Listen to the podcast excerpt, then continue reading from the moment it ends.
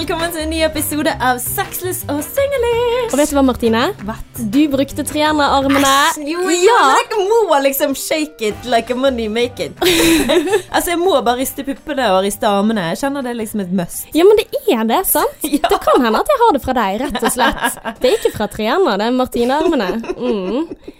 Dette er en ny episode av Sexløs og singlish, episode nummer 17. Er vi der? Vi er der. Mm. Og dette er podkasten som gir deg informasjon og unyttig, ikke så nyttig, og nyttig er det andre motsatte av unyttig informasjon om dating, Ja. relasjoner og kjærlighet og livet på vei mot de store 30-årene. Ja, vi bruker rett og slett oss sjøl, våre egne erfaringer, til å hjelpe, eller bare Altså ved at vi deler om oss sjøl, sånn, så kan jeg gjerne hjelpe andre fordi at folk relaterer seg til det vi holder på med, eller det som skjer i livene våre, da, om det handler om kjærlighet og dating. Så jeg vil bare påpeke det at hvis jeg babler mye om meg sjøl, eller at det blir mye egotalk, så er ikke det fordi at jeg syns det er dritgøy å snakke stygt om kjæresten min og ting som er ikke positivt i forholdet vårt, på gøy.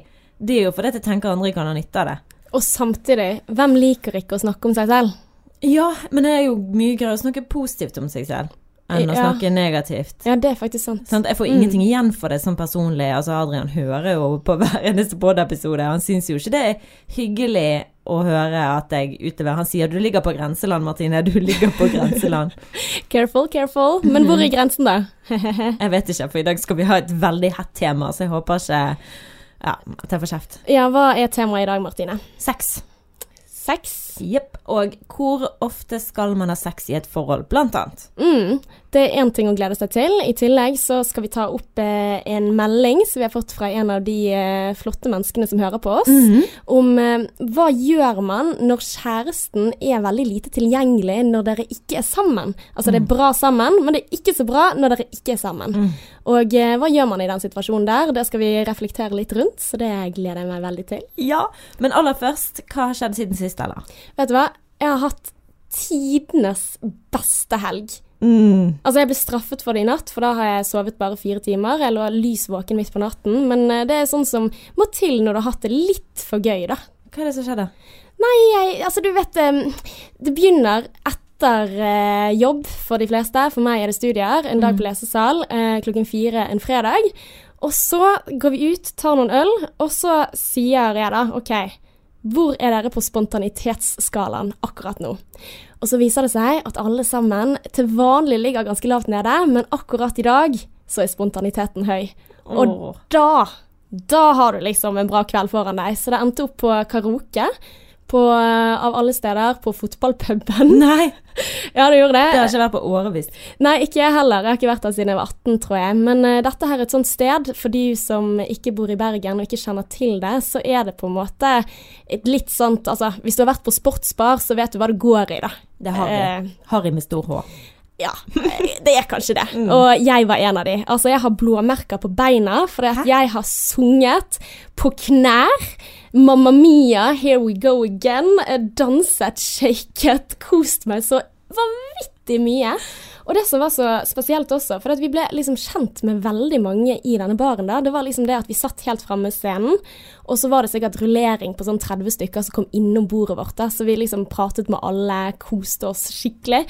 Og så kommer det en eller annen fyr fra Texas, um, som hadde da reist en og alene til Norge, kalde, regnfulle Bergen, og vi lurte jo veldig på Alene? Ja, hva gjør du her alene, liksom? Og han forteller det at uh, han hadde møtt den perfekte jenten, da. Fra Bergen. I uh, Norge. Hadde møtt henne på ferie. Det var skikkelig bra. Skulle komme og besøke henne. Men så ble han ditchet. Nei! Nei, jeg vet det. Var han stygg? Nei, det var det verste av alt. Han, var, lignet på Justin Timberlake, liksom. Altså alt etter som hva som eh, man mener er kjekk, men altså, han var ikke stygg. Det var han absolutt ikke. Og han var veldig morsom og veldig grei, så jeg lurer liksom på hva var det som gjorde at han her ble ditchet. Ja, men det kan jo ha noen ting å si, da. Hvis det, du har hatt en ferieflørt, og så plutselig så kommer ferieflørten til Norge. Ja, altså det er jo ikke alle som setter pris på det. Nei. Eh, jeg hadde blitt litt skremt, jeg også kanskje, så jeg kunne vært hun som ditchet, men allikevel. Han sa det at han hadde tilbrakt da de fire siste dagene på et uh, motellrom og grått. Å nei, gråt han? Ja, han sa det. Jeg vet ikke om han var morsom eller ikke, men jeg lo nå iallfall. Åh, men det er ikke greit å ditche noen på den måten der, altså. Ja, men eh, vi vet jo ikke helt om hun ville at han skulle komme eller ikke, men Nei. jeg syns i alle fall at eh, det var jo på en måte litt sånn trist, da. Men eh, jeg tror han hadde en bra kveld, Mm. og det Dere har løftet kvelden hans, garantert. Å, takk, takk, takk, takk, takk. Hva med deg, Martine? Hva med meg? Har ikke det skjedd noe annet eh, gøy? Vi møttes jo på søndag, eksempel. Det gjorde vi. Ja, jeg har Mhm. hatt tidenes jobbehelg, så ja, fredag det er liksom Det er jobbing, det er i huset ennå. Framgang, framgang. Begynner å male, så nærmer oss ferdig der. Jeg vedder på at de som hører på, er drittlei av å høre på meg snakke om oppussingen. Men uh, vår lille sånn her uh, godtepose, skulle til si, det er i slutten av kvelden, og vi kan se litt grann på film. Men det er litt kjedelig når kjæresten din sovner etter 15 minutter. Uh. Altså, jeg blir så irritert, jeg. Jeg sier sånn Sover du?! Det er ikke lov å sove! Jeg er så ondskapsfull. Er sånn, han er sånn, jeg er trøtt, det har vært en lang uke. Så er jeg sånn Ja, men vet du hva, jeg er en egoistisk kjerring, og jeg ønsker ikke at du skal sove. Jeg vil heller at du skal være våken, så jeg kan være selskap. Ja, men det er litt det der at hvis du ser på en film, og den andre ikke følger med Det er lite ting som er like irriterende som det, altså. Sånn, ser du den filmen, men vi skulle se den sammen, liksom. Vi Ja. kan snakke om det som har skjedd. Fikk du med deg det som skjedde nå? Sant? Og så hvis du sover, så Men Ja, For han lå der og øynene falt sammen. Men jeg bare Men vet du hva, forrige helg når vi så film sammen, og øynene mine holdt på å falle sammen, så sperret jeg de opp. så jeg var sånn Jeg tok jo stakka nærmest på øyet. Jeg bare 'Sover du? Du må våkne nå.' Så ble jeg liksom sur. Da la jeg meg sur fordi at han eh, mm. Men vet du hva jeg har innsett? Det er at eh, jeg eh, kan legge meg sur, og så våkner jeg opp, og så er det sånn Så er det en annen personlighet som er her, som ikke er sur i det hele tatt. Men sånn skjedde det noe i går. Ja, du la deg sure, og ja, det har jeg glemt. Det er vi ferdig med. Men husket han da den sure Martine, eller er det sånn at det er greit? OK, nå er den blide her, og så er vi over det. Ja, for jeg sier det at ja, men den personligheten der, hun er vekke. Så hun sniller tilbake. Så ikke tenk på det. Men Martine, jeg er faktisk en som pleier å eh, sove når vi ser på film. Gjør du? Mm. Jeg er en av de som sovner. Det er irriterende? Ja, det må jeg du bare slutte med. Hvorfor gjør du det? Jeg vet ikke, men man er sliten da. Ja, og så er det. det liksom, man slapper av, og så er det et eller annet med den sofaen som gjør at det er mye lettere å sove på den. Mm. Når du ikke må sove, enn når du liksom skal ligge i sengen og 'nå skal jeg sove'. Det er ikke noe press på sofaen, så der er det mye lettere å sove. Men hvordan reagerer Kristoffer da? Blir han sur? Eller er han grei og tenker Eh. 'Å, skjønne prinsessen min, nå skal du få sove'? Nei, han pleier faktisk av og til å eh, fikle med ting, holdt jeg på å si. Ta og så få meg til å gjøre ulike sånne poseringer, og så tar han bilde. Gjør han? Ja, gjør det. Altså sånn der eh, Tar opp fingeren sånn at jeg viser fing, og så at jeg ser veldig gangster ut fordi at jeg har halvåpen munn, øynene litt sånn halvåpen, sitter og snorker litt og sånn. Så han eh, pleier å ha det litt gøy med at jeg sover, da. Så det er jo en måte å takle det på. Dette er tips du kan ta med deg videre. Ja. Når han sovner, så gjør du et eller annet sånt veldig plagsomt, og så filmer du han mens du gjør det. Men Adrian har truet meg med å kaste mobilen min. Han syns det er så irriterende jeg tar bilder. Jeg har lyst til å ha bilde, sånn couple goals på Instagram. Men han nekter å være med på de greiene der. Sant? Så han er bare sånn Jeg kaster den mobilen snart, Martine, hvis ikke du slutter å ta bilde av meg. Jeg bare, ja, men vi må være litt sånn couple goals. vi må være instaverdige. Å, husker du han der fra Lo Love Island? Mm, som sa at han letet etter en kjæreste som var Instagram-verdig. Oi, oi, oi, vet du hva, du hadde passet perfekt han. Hallo, Adrian har ikke Instagram-konto engang. Så det er ikke mine Men han må kunne være med på et bilde. Selv om jeg forstår og respekterer at han ikke har lyst til det. Så er det sånn dødsirriterende for min del, som er veldig der ute og har lyst til å på en måte dele av hverdagen og dele Jeg kunne ønske jeg kunne filme meg og han der vi snakket, eller at jeg kunne vise mer av forholdet vårt, sånn, men det er bare no go. Det får ikke lov til. Mm. Det syns jeg er litt kjipt. Men hvorfor skal man vise seg fram hele tiden? Men det, det, er det er jo bare sånn jeg er født. Sant? Jeg kom ut av livmoren og bare 'hallo, oppmerksomhet', takk. Altså, jeg elsker oppmerksomhet. Men det er ikke bare det at jeg elsker oppmerksomhet. Jeg elsker å gi av meg sjøl så andre kan Fordi at jeg reflekterer så mye som jeg gjør, sant. Mm. Så syns jeg det er gøy å høre at andre sier at 'å, det at du gjorde det, hjalp meg med det'. Sant? At du kan inspirere andre. Mm. Eh, om det så er med dårlig forhold, ikke nødvendigvis bare et For jeg vet at meg og Adrian ikke har et perfekt forhold. Mm. Så å kunne eh, vise den siden med oss, da Jeg kunne ønske jeg kunne delt litt mer av det uperfekte forholdet vi har. Ja, men det gjør jo du på denne podkasten. På denne podkasten Ja. gjør jeg jo det. Uten at det skal virke som at jeg klager for mye, så vil jeg bare vise flere sider med et forhold. Mm. Fordi vi er dritlykkelige. Så det er ikke det at jeg eh, en av de som er stuck i et forhold jeg ikke har lyst til å være i, eller noe sånt så. Jeg er så forelsket at det er helt insane. Men det er ikke bare det. Mm. Og det er det jeg har lyst til å få frem. Sånn at ikke andre Sånn at ikke vi sammenligner forhold hele tiden og ønsker vi skulle hatt noe annet enn det vi har. Mm. Så Men over til helgen igjen, Ella. Mm. Søndag. Vi møttes på jobb! Ja, stemmer det. Herlighet, så gøy. Vi, jeg var konferansier sammen med mine ekskollegaer Tony og Kjellmann eh, på noe som heter Wedding Shower. Brudemesse, rett og slett. Og der var du sammen med koret ditt. Jepp, jepp, jepp, jepp, jepp. Det Det var som- det, ja. altså Det er som tatt ut av en film at vi bare endte opp på samme jobb. ja. Hæ? Nei, det var veldig kult, og du så veldig bra ut i de der ulike kjolene. Men Mm. heter ikke det bryllupsmesse? Brudemesse Jo, bryllupsmesse. Ja. På engelsk wedding shower. Det het liksom wedding shower, ikke brudemesse, nei. Bryllupsmesse er riktig. Ja, Ja. mer eh, kjønnsnøytralt, til tross for at det kanskje var flest kvinner der. Det er kanskje mest representativt å kalle det brudemesse. Men eh, jo da, der sto vi og sang med koret, og så fikk vi den eh, gode introduksjonen med, fra Martine, som var sånn Jeg vet ikke helt hvordan dette uttales, dette koret. Nei, for, det, jeg, hadde, nei, for jeg hadde sagt feil. Jeg sa her kommer Malte Pausis, og så var det Malta Pouches. Ja. Malta Pouches, er det sånn? Malta Pouches. Jeg blir usikker selv. jeg. Ja. Molta Paukis, kanskje? Nei, ikke Paukis. Nei, for jeg spurte han er godeste hva det heter, Dirigenten, dirigenten mm. deres, og han sa 'tenk på deg sjøl som en italiener'. Oh. Molta Pouches. Okay, Ja. Molta Pouches. Ja, nei, men Så fint, da kan vi reklamere litt for den, eh, den også. Ja, for koret deres. Husk at koret til Ella de stiller opp i julebord og bryllup og alt som det måtte være. Mm. De stiller opp eh, 20 mann, synger de mest eh, profesjonelle sangene i hele Bergen. Ok, nå må du slutte, for nå ble jeg flau, Martine. Ja, Gjør du litt opp igjen for at du disset meg forrige gang? Ja, fordi at jeg er litt flau for det, For Adrian kjeftet meg, for han sa at du eh, Nå mobbet du Ella, det var ikke hyggelig, Martine. Så jeg bare 'hallo, vi syns det er gøy'. Sånn at du syns det er gøy. Ja. Sier du syns det er gøy! Men det er, altså, der er det på en måte at jeg syns det er interessant, fordi at vi er forskjellige på den måten. da. Du er litt mer sånn folkelig, da, på en måte. Altså, mens jeg er litt mer folkelig på den andre måten. Men jeg snakket om deg og, med Adrian i helgen. Åh, Om at, uh, at du Jeg skal ikke si stripper, men at du er uh, Jeg viste han poledancingen din. Ja. For det at Ella, hun poledanser og er i kor. Altså Det er den, sånne deilige kontraster jeg blir nesten kåt av. Altså Jeg syns det er så gøy. Ja, men jeg digger det. Du er, som, du er som en karakter i en film. Du er så kul. Du, er liksom, du er i kor, så du kan liksom Hvis du, jeg skal dømme deg, sant, så tenker jeg å, kjedelig, hun er i kor, liksom. Hvis jeg skal stereotype deg, da. ja, ja, klart. Uh, men så bare Å nei, for hun driver med poledance i tillegg. Å ja, ok. Det er så kult, eller? Du er dritkul. Å, Ja. takk, Martine. Men nå ble det for mye her. Nei, eh, nå må men- du si noe teit om meg igjen. Eh, nei, men altså, det, det er kult at du er så teit. Ja, takk.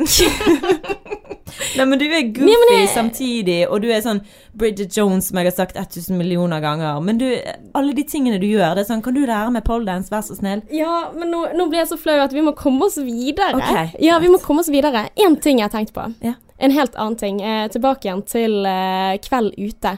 Husker du at jeg snakket om at jeg hater eh, runder på byen? Altså når man kjøper eh, Og så er det sånn her, ja, jeg kan ta første runden, men også vet du at hvis du tar første runden, så blir det ikke noe runde nummer to. Jo, men det er det som er problemet. Det er jo det som er skikkelig problem for min del. For hvis man begynner med runder eh, Nå skal jeg si at på fredag så var det jeg som startet rundene, men hvis du begynner runder, så går det plutselig surr i hvor mye alkohol har du inntatt. Mm. Og så er jo det sånn at når du er ute, så skal du være gøy, du skal ikke være partypooper. så det er litt sånn her drikkepress uten at det er det. For jeg synes, ser jo ikke ned på folk som ikke har lyst til å drikke så mye, men når du får plassert øl foran deg, så er det forventet at du skal drikke den.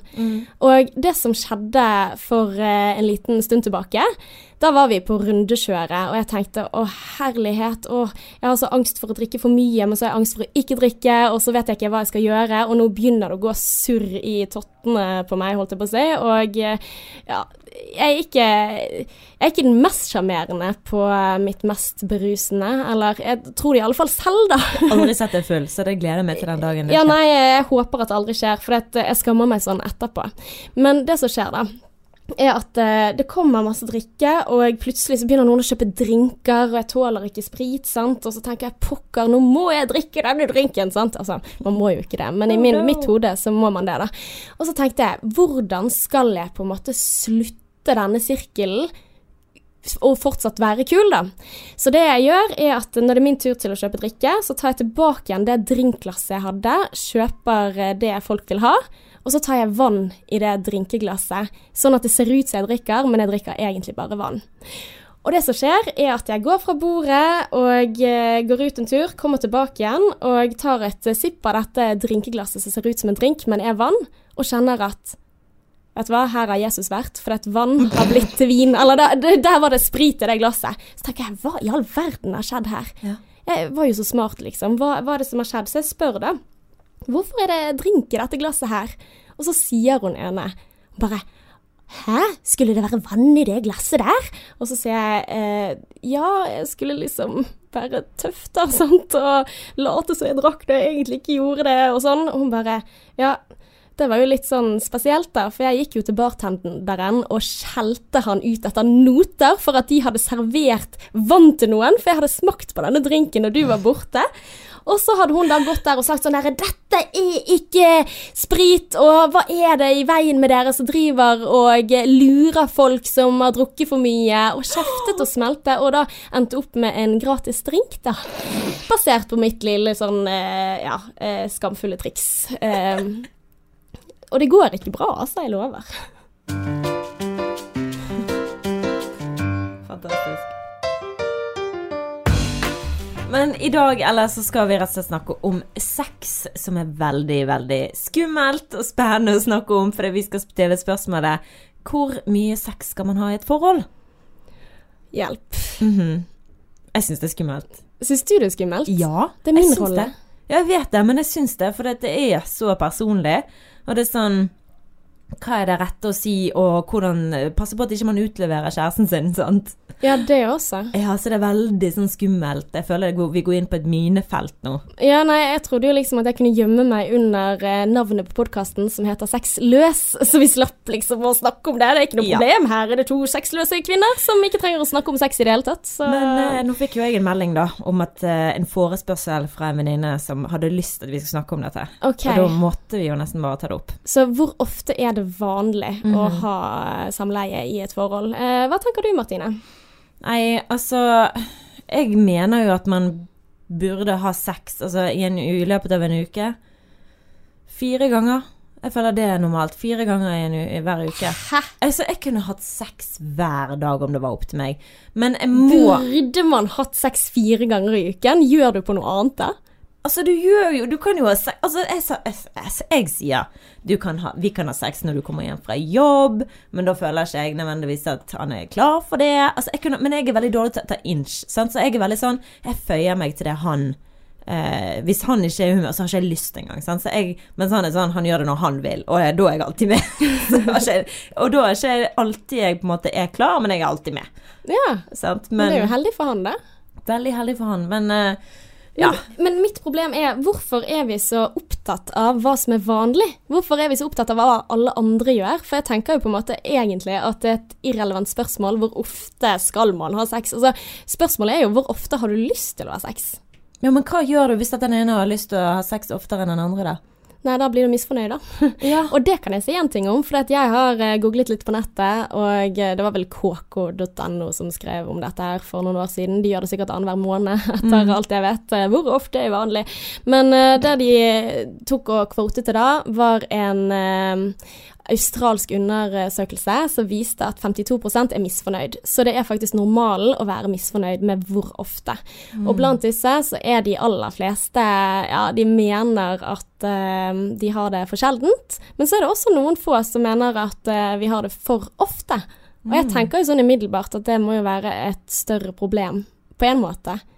Å ha det for ofte? Ja. For da gjør jo man det når man egentlig ikke vil. Ja. Og det er jo kjempeviktig, og det, det må jeg bli flinkere på, på en måte, å gjøre det når jeg Ikke bare på en måte gjøre det når han vil, men å gjøre det når jeg sjøl vil òg. Og bare det å ta initiativ. For jeg er hun typiske damen som sier uh, Som ikke vil si, som ikke vil ta initiativ. Vil, for du er jo sårbar med en gang du sier 'jeg vil ha sex'. Og tenk hvis han ikke vil ha sex når du Mm. sier 'jeg vil ha sex'. ja. Det er skummelt å ta initiativ. Det er dritskummelt, for at jeg er livredd for å bli avvist på det der greiene der. Jeg vet ikke, hva er det, så- Hvorfor er det skummelt? Hvorfor er det skummelt å bli avvist? Det er jo veldig sårbar posisjon, det, man setter seg i. Men Ella, hvor ofte mener du? Jeg har sagt fire ganger i uken eh, normalt. Ja, men normalt for deg Altså, jeg, jeg har ikke noe svar på dette her. Jeg mener sånn seriøst at uh, hva som er normalt, er ikke et ikke-tema, da. Fordi at man må slutte å bry seg om alle andre, og heller snakke med partneren sin. Er vi fornøyd med det vi har? Om det er én gang i måneden, det kunne ikke brydd meg mindre, liksom.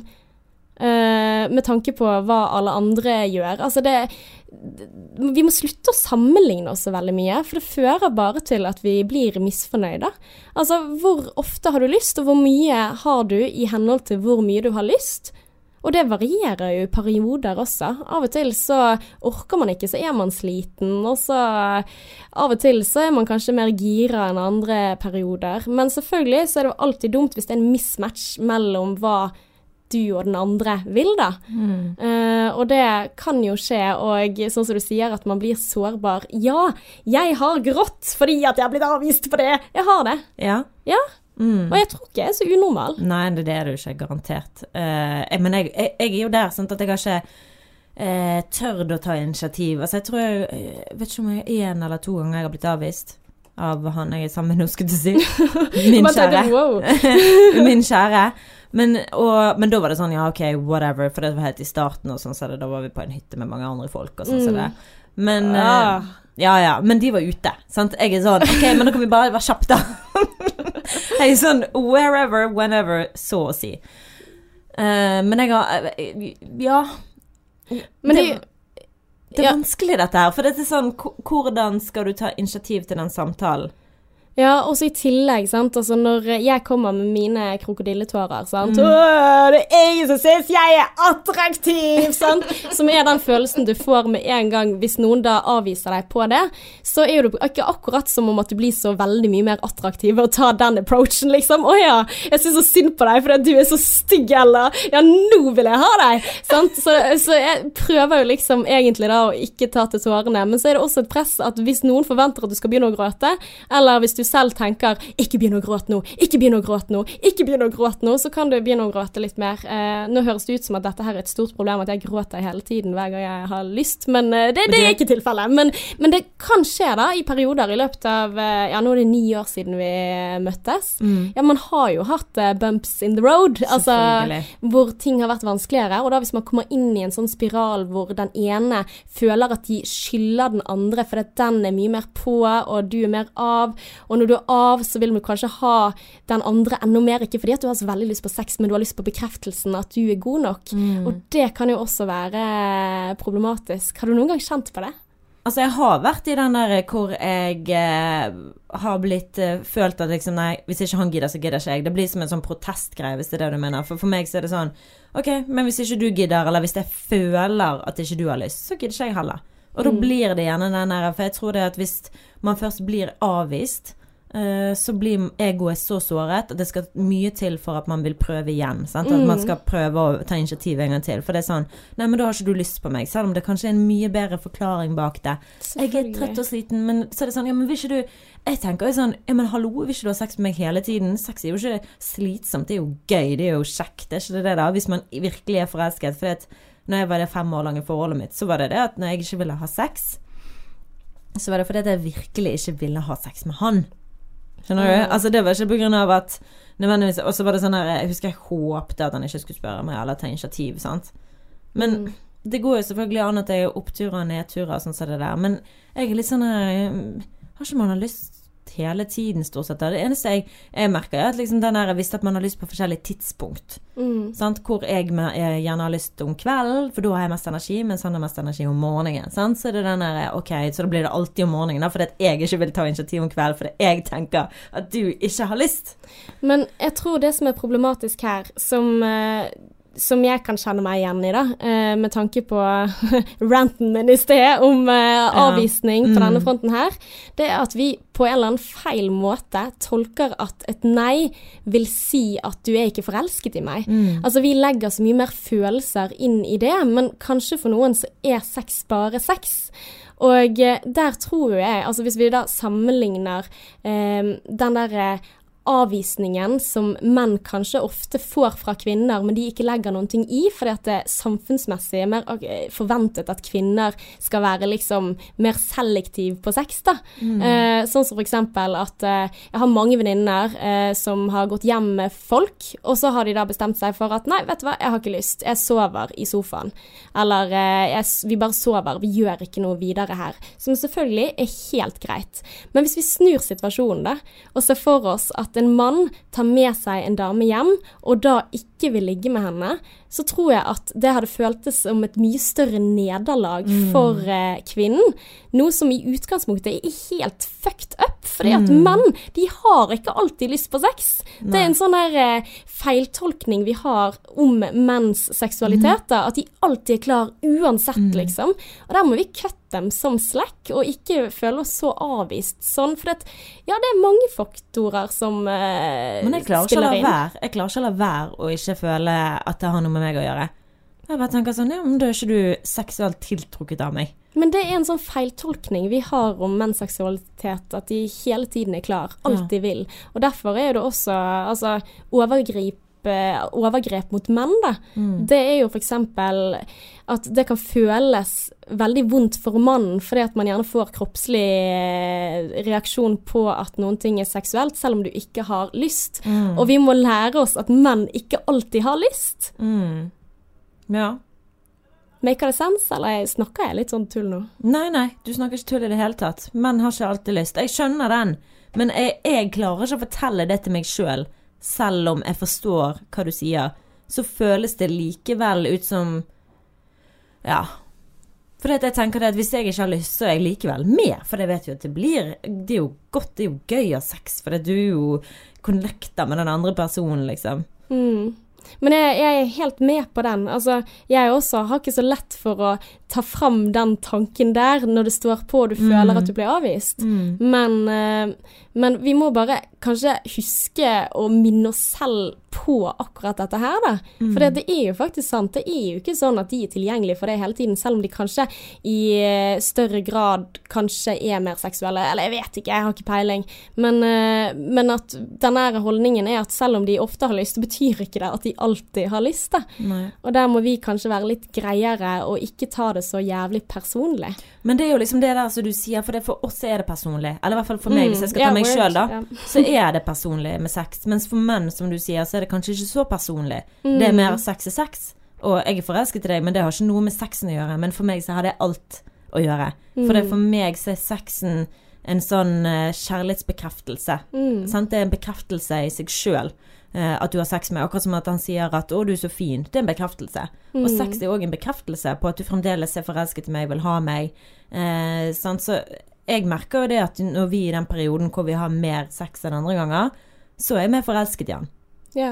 Jeg er mer, for jeg føler meg knyttet til han. Jeg føler at vi er connected, og hvis han tar mye på meg, sant? hvis han tar meg på ryggen, hvis han er affectionate, altså han er Mm. Hva heter det? Affectionate. Um, Um, ja.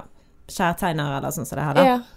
Når han gjør det, så blir jeg bare mer knyttet til han. Men det er når... hormonelt, visste du det? Og Oksytocin heter hormonet som eh, er sånn tilknytningshormon.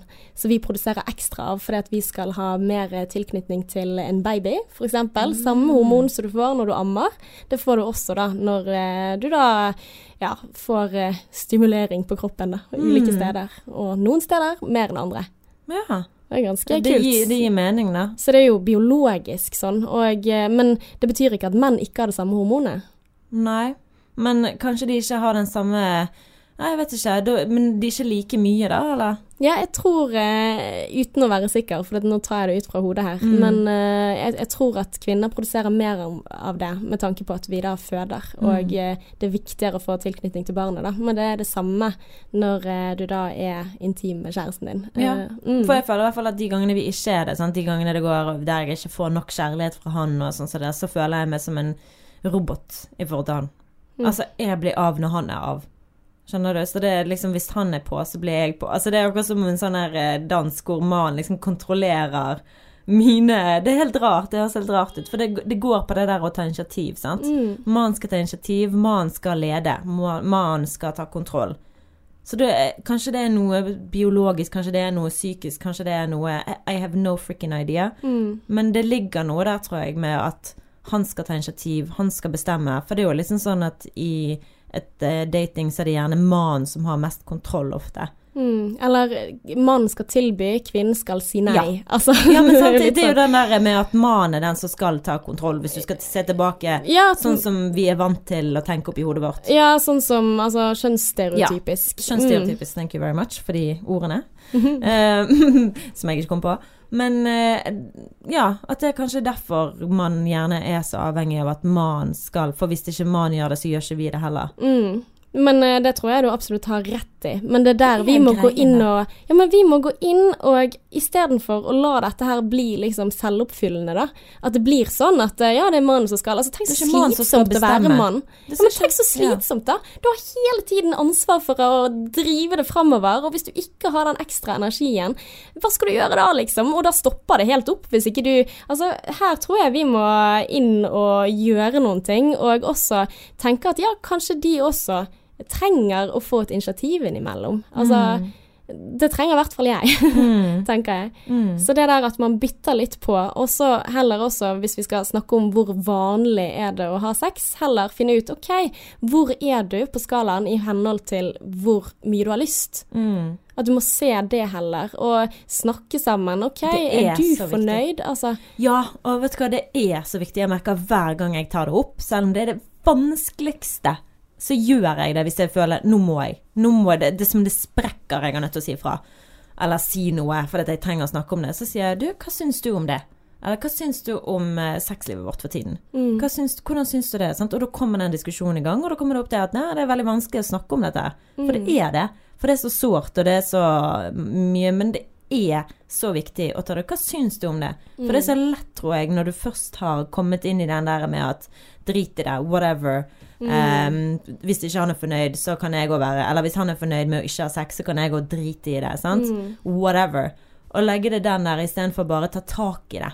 For jeg angrer aldri på den jeg tar tak i det. Men da er det viktig å ta tak i det på et riktig må- Ja, også, da. Og så en åpen måte å ikke angripe og si 'hvorfor har du aldri lyst til å ha sex med meg'? Ja, Men sånn, hva, hva syns du? Og, og det sier han at det må jeg ofte bli flinkere på. Å ta ting opp litt mer åpent, og ikke bare være sånn 'It's all you, man'. Mm, og ikke når eh, Altså, du tar ikke den praten rett etter et avslag, tenker jeg da. For Mm. da er det mye lettere å gå inn i den derre 'Hva er i veien med deg? Hvorfor liker du meg ikke?' Sant? Altså Det sier mamma alltid. Ta ting opp når dere har det hyggelig. Ja. For da er det mye mer eh, For når man har det fint sammen, når man er i en sånn Så er det sånn Du, forresten, hva syns du om eh, sexlivet vårt? Mm. Sant? Og, og ta det opp da, for da er det mye mer åpenhet. Da er det Mm. ingen eh, tårner ute, skulle jeg si, eller sånn et Oh, jeg har et tips til. Ja. Uh, og ikke gjør det når du er hjemme. Fordi at uh, Gjør det på et eller annet sted hvor dere ikke kan innlede en uh, seksuell tone, f.eks. Altså i bilen, da kan du ikke ha sex, uh, forhåpentligvis. Det kan Ja, men med tanke på sikkerheten til alle andre, da, ja, men tenker du jeg. Ja. stopper bilen også. Ja, ja, men ok.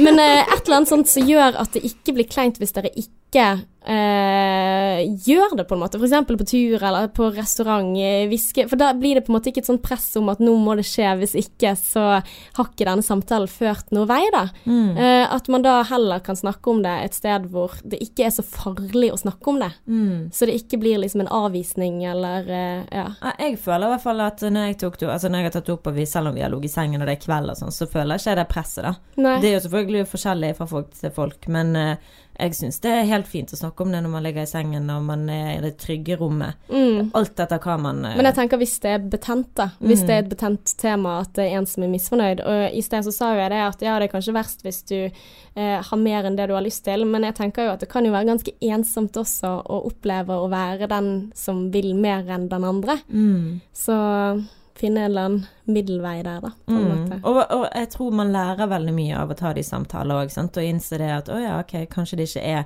For det kan jo være alt mulig fra alder til ting på jobben, sant.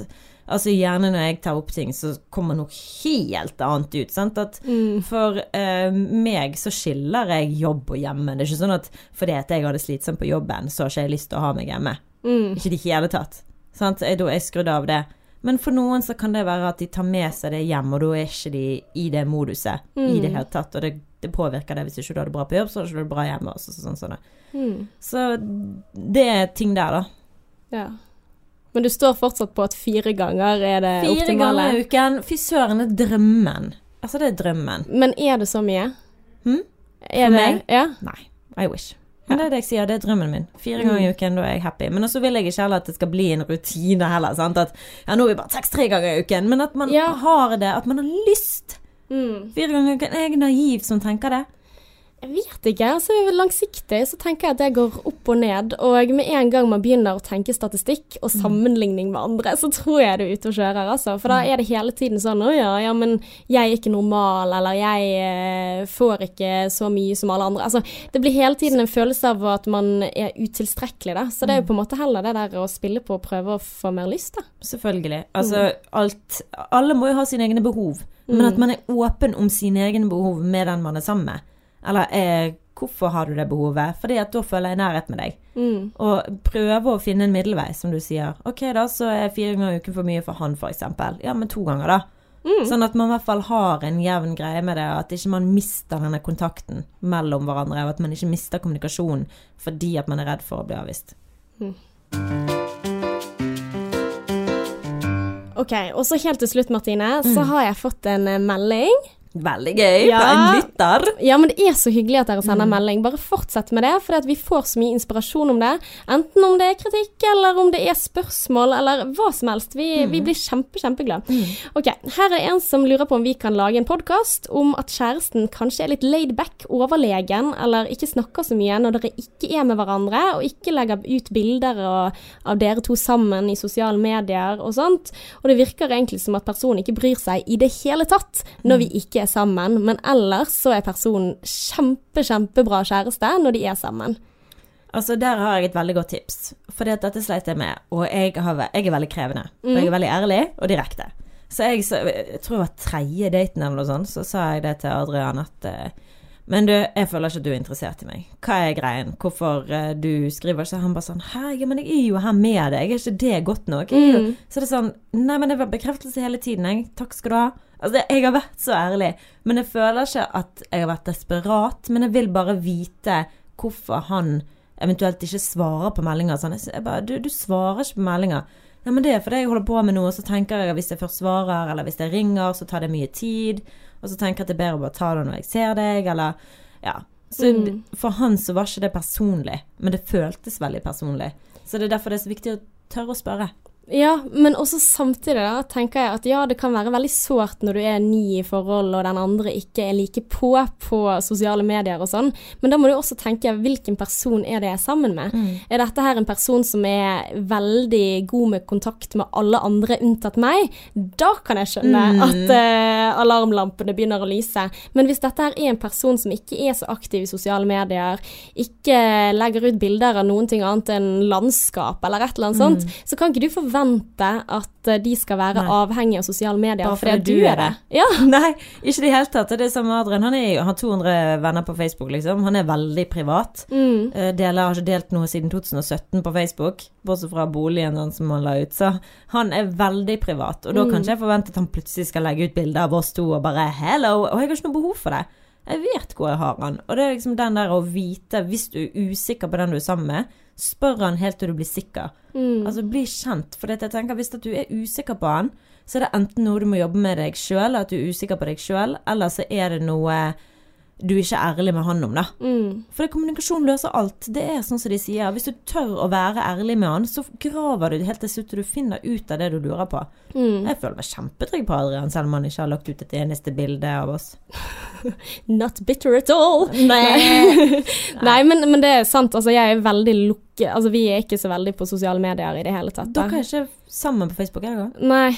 Nei. Offisielt ikke sammen på Facebook, men det var litt sånn her egentlig en plan fra min side da, og hans side, at jeg vil ikke at alle skal sitte og følge med på at eh, hvis det skulle bli slutt, da Jeg vil ikke at det skal være sånn der eh, OK, ikke nok med at jeg går igjennom et brudd akkurat nå, men jeg må sitte og gå inn på statusen min på Facebook, endre den til singel og sitte der med en eh, to liters iskrem og bare Ja, men altså, jeg bare ser for meg det på forhånd, da, men det er jo kanskje litt sånn uh... Ja, bare så du vet det, så singelgreiene det Du kan bare fjerne forholdet uten at noe kommer opp i statusoppdateringen Ah. din. Så det er ikke noe Det er kleint å gjøre dette ni år, da. Nei, det er ikke noe som er kleint. Men, ja, men altså, jeg har ikke behov for å Nei, nei, så flagge det heller. Men, Så lenge eh, du ikke har det. Men jeg har veldig lyst til å være i et forhold med Adrian på Facebook. Mm. Men han er litt sånn Skal vi det, liksom? Er det ja, han, er, han er ikke noe sånn Nei, det skal vi ikke. Men så blir det liksom sånn Nei vel, hvis ikke du vil det, så drit i det, da. mm, Men det er jo liksom sånn som du sier, at det er veldig sånn out there. Her er kjæresten min i et forhold. Det er jo veldig sånn, i hvert fall for meg som er litt offentlig, at det er sånn mm, Facebook har nesten blitt en sånn bedriftsprofil istedenfor en personlig profil. da. ja. Før i tiden da vi i Tyrkia 2012, nå er det mer sånn deler eh, ja, video, virale videoer og sånn. Ja, men jeg, jeg tenker litt på det der med Altså, jeg kan skjønne at det er sårt hvis det, kjæresten ikke svarer på noen meldinger i det hele tatt når dere ikke er sammen. Men så er det også det å prøve å se denne kvaliteten som egentlig en god egenskap.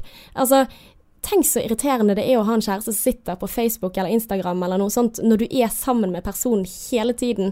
Hvis relasjonen er bra når dere er sammen, han er til stede eller hun er til stede når dette foregår, og er veldig Og jeg sitter ikke i 100 samtaler med alle andre, for det, sånn er det å svare på meldinger hele tiden. Og jeg sitter jo av og til og har lyst til å hive den mobilen til pieces, men ja da, han svarer på meldingene mine. Men det gjør han også da med andre når vi er sammen. Så på en måte så kunne jeg kanskje tenkt meg en som ikke svarte så ofte, til, altså for å da få vinningen av at vedkommende kanskje var mer til stede når vi to er sammen, da. Så egentlig så kan jo det hende at uh, man er litt heldig, da, Uh, kanskje. Ja. Altså, jeg, men jeg, eh, jeg vet ikke, jeg husker liksom i be- begynnelsen så savnet jeg det, sånn som du sier, at uh, personen var til stede. For selv om jeg er mer sosial på uh, alt sammen enn Adrian er, var det første han gjorde om morgenen, det var å gripe etter mobilen, og ikke meg. Mm. Og det gjør han for så vidt ennå. Og det er skamirriterende. Men så lenge jeg får den kosen før vi står opp, så er jeg fornøyd. Men jeg kan skjønne det. Men jeg vet nå at jeg har blitt kjent med han, at det er ikke mot meg. Det er bare vane og sånn som det er. Men Mm. det var skikkelig vanskelig i starten når vi hadde begynt å date, og han drar opp PC-en Vi var på date nummer to i Amsterdam, og han drar opp PC-en sin for å begynne å redigere bilder mens vi ligger i sengen. Og det er sånn hm, OK, jeg òg kunne jobbet på ferien vår. Gjort ting med sosiale medier som jeg burde gjort, men jeg vil heller være med deg. Hva med deg, da? Sånn, Det sånn, mm, men jeg, det er jo ikke fordi at ikke bryr seg eller er ikke interessert, de bare kobler seg. Så det er så derfor så viktig å snakke med personen om det. Si du, hva er grunnen til dette? Uten å Mm. angripe dem. Du, hva er grunnen til at ikke du nødvendigvis svarer så mye på meldinger? Du må bare tørre å stille de spørsmålene som du stiller til oss. For vi kan ikke gjøre noe med at kjæresten til hun eh, ikke svarer eller er til stede. Vi kan ikke vite hvorfor han gjør det, men du får vite det hvis du bare spør. Mm. Men selv om man vet det, ok, vedkommende er ikke den type person, så er jo det å akseptere den du faktisk er sammen med.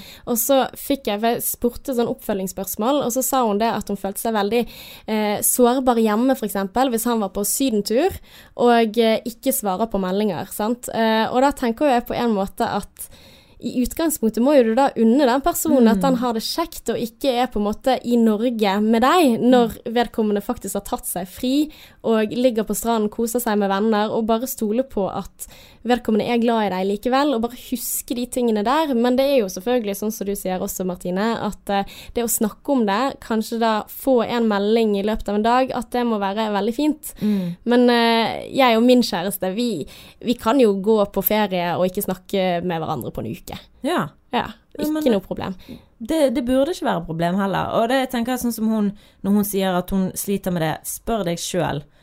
Sliter jeg med Har jeg slitt med dette før? Er dette meg, eller er det han? Hvem er det som Mm. Hvor er Er dette noe som jeg har slitt med alltid? Usikkerhet med de jeg er sammen med? Har jeg opplevd noe tidligere? Eller er det rett og slett han som gjør meg usikker, og hvorfor gjør han meg usikker? Og hva er det du kan spørre han om? Sant? Altså Mm. få svarene fra han. Ja, og kan du leve med det? Ja, kan du leve med For det? hvis du ikke kan leve med det, så må du finne deg en annen fyr. Rett og slett. Mm. Da har vi kommet helt i en eisvende, er det det heter? Ensvende? Nei. Jeg vet ikke, jeg har snakket så mye Veis feil i dag. Veis ende, Ja, så bra at du sa det. Jeg sa Low Island i sted. Ja, men altså, det er sånn som Unnskyld, mamma. Eh, sånn som enkelte i min familie sier Altså, Språkrådet. ja. Uh, Love Island. Altså, da er det greit å si Veis venne, eller Veis vende. Ja. Men nå er vi i slutten av episoden. Vi har snakket kjempelenge. Vi er kjempetakknemlige for at du har eh, ja, hørt så lenge. Vi håper du har fått noe ut av det. Ja, håper virkelig det. Og hvis du skulle ha noen ting på hjertet, så er vi på Facebook. Der heter vi Sexløs og Singlish.